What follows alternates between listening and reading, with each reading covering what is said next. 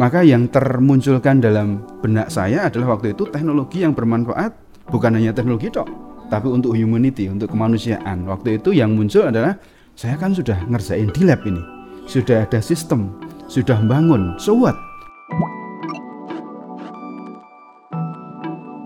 Mas lagi Mas Aas kan tadi bilang sekolah di luar negeri Iya, di Swedia, iya, iya, iya. di Singapura, eh di Australia. Australia. Iya, iya. Banyak teman-teman tuh yang bilang begini, iyalah orang yang bisa kuliah di luar negeri itu Hmm. hanya anak-anak orang Iya, kaya iya, iya, gitu iya. yang memang difasilitasi Iya, dengan bagus oleh orang tuanya. Mas. Aas gitu juga. Enggak juga.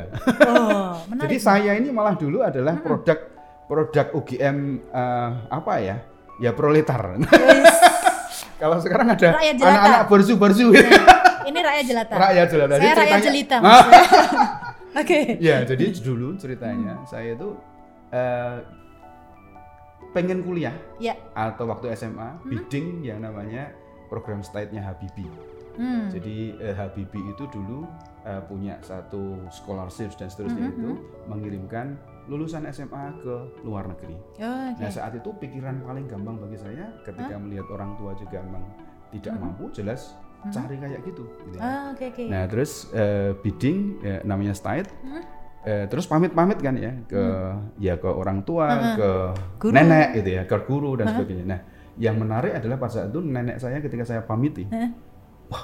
kok langsung neng neng luar, oh ini saya cilik ya, kamu itu masih kecil, Ah, besok aja, besok aja kalau kamu sudah Gede, lulus, sudah Sa- sarjana, iya ya, sekarang neng gajah modo, Wah, oke. ini orang tua nenek. Orang Jogja, Mas? bukan. Oh, bukan. Nenek Biasanya saya itu di Jawa Timur. Oh, di gitu. Nganjuk. Jadi saya jauh-jauh mudik kalau setiap le- lebaran itu Hmm. eh, sembari mencari itu tadi wangsit tadi ya. Hmm.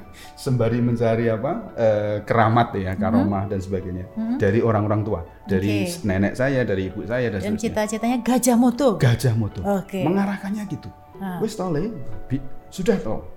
Kamu besok akan ke luar negeri, tapi sekarang Ke gajah, gajah moto moto. dulu. Keren. itu dong. itu wow gitu loh. Hmm. Artinya apa? Eh, beliau tidak gampangannya ya tidak tidak memberikan restu untuk Saat nembus ini. itu ya. Betul. saat itu, Jadi iya. akhirnya restunya ke Ah, ah, UGM ke dulu. UGM. Dan alhamdulillah kok ya diterima di UGM. Ke UGM. Terus S2-nya? Tetapi masalahnya bukan di situ. Apa? Habis itu bayarnya gimana? Oh. Loh, saya mengalami oke, oke, oke. Keributan di sana, kesulitan. oke, oke. Zaman segitu belum ada bidik misi. Iya, ha, ha, UGM ha, ha, ha. belum memberikan sesuatu yang khas khusus. Dan itu harus berjuang sendiri. Dia harus Tetapi yang menarik dari UGM itu kemanusiaannya. Hmm. Jadi ketika tertutup, wah ini harus ini. Zaman segitu bayarnya piro mbak? 180 ribu. Zaman itu, tapi Semester. 180 ribu Segitu, tinggi juga. 90 gitu. iya. 180 ribu ya. Iya, sesuatu banget. Saya kalau nggak salah 225 Ya, 360 ribu satu tahun harus bayar. Mhm. Wah ini gimana? Mm-mm. Terus yang tahun kedua tambah nggak bisa bayar SPP. Karena Apa yang? Ya memang nggak duit, nggak ada Oh, duit. oke. Apa yang dilakukan? Mhm. Sampai kita mendekat kepada semua kita dekati. Hmm. Yang menarik pada saat itu adalah wakil rektornya turun tangan. Oh, Kasih saya kesempatan, udahlah, nggak bayar. Oke. Pembebasan. Tetapi itu adalah kebijakan UGM, bukan kebijakan waktu itu belum ada bidik misi. Ah, belum ada. ah, ah, ah. Jadi yang dilakukan oleh eh, UGM adalah Memberikan kalau bahasa apa eh, Keringanan melepas lah. gitu ya, melepas. Melepas, ah, Nah, oke. Jadi kita sudah berusaha, tetapi memang tidak bisa. tapi tentu So dampaknya Iya, kan prestasi iya, benar. harus nggak semua nah, Ah, betul. yang menarik setelah itu saya juga bukan tipikal yang hanya menunggu kan. Mm-mm. Kemudian yang menarik lagi adalah ada yang menampung. Hmm. Jadi saya dulu bekerja di Fakultas Kehutanan. Oke. Ada dosen kehutanan yang punya proyek misalnya. gitu ya. Waktu itu dekannya Pak Hasanus Simon namanya. Hmm. Kemudian dosen yang langsung dengan proyek itu namanya Pak Sanafri. Hmm. Waktu itu ditampung. Udah ngerjain ini, ngerjain itu gitu. ya. Hmm. Itu yang menarik. Oke. UGM itu sisinya humanisnya ada. ya Iya. masing-masing. Jadi bukan sekedar yang sekarang selalu kita bayangkan seolah-olah apa ya ya tembok Oke, besar dan betul. Hmm. kamu masuk hanya gini dan seterusnya enggak. Artinya tetap saja bahwa tidak ada kata mahasiswa UGM putus kuliah karena Benar, ekonomi. benar. Ya Mas ya asalkan, pasti ada jalan. Asalkan speak up, Betul. angkat tangan, Mm-mm. saya pikir harusnya Pasti apalagi zaman jalan. sekarang, Pasti. apalagi zaman, sekarang, lebih ya. mudah ya, nah. beasiswa di mana-mana. Ketika muncul ada bidik misi, ada beasiswa ini, ada itu dan Ya. seterusnya. Ya, itu harusnya manage-nya ke sana. Terus S2-nya Mas Nah. sampai ke Australia dan di Swedia, Swedia ya. itu jadi, gimana jadi itu? itu itu yang menarik juga. Jadi selepas lulus eh, S1 Hmm? eh, waktu itu eh, nyantol jadi dosen Hmm? dan di dosen itu eh, istilahnya apa ya? Waktu itu ketua jurusannya juga sangat Hmm? suportif. Tidak apa, malah mendorong pokoknya sekolah itu ya. Hmm. Dan kebetulan juga UGM waktu itu ada kerjasama U2U dengan kampus di eh, Swedia itu. Hmm. Saya mendapatkan eh, kesempatan untuk berangkat ya, pakai beasiswa dari eh, Swedia, Swedia. STIN.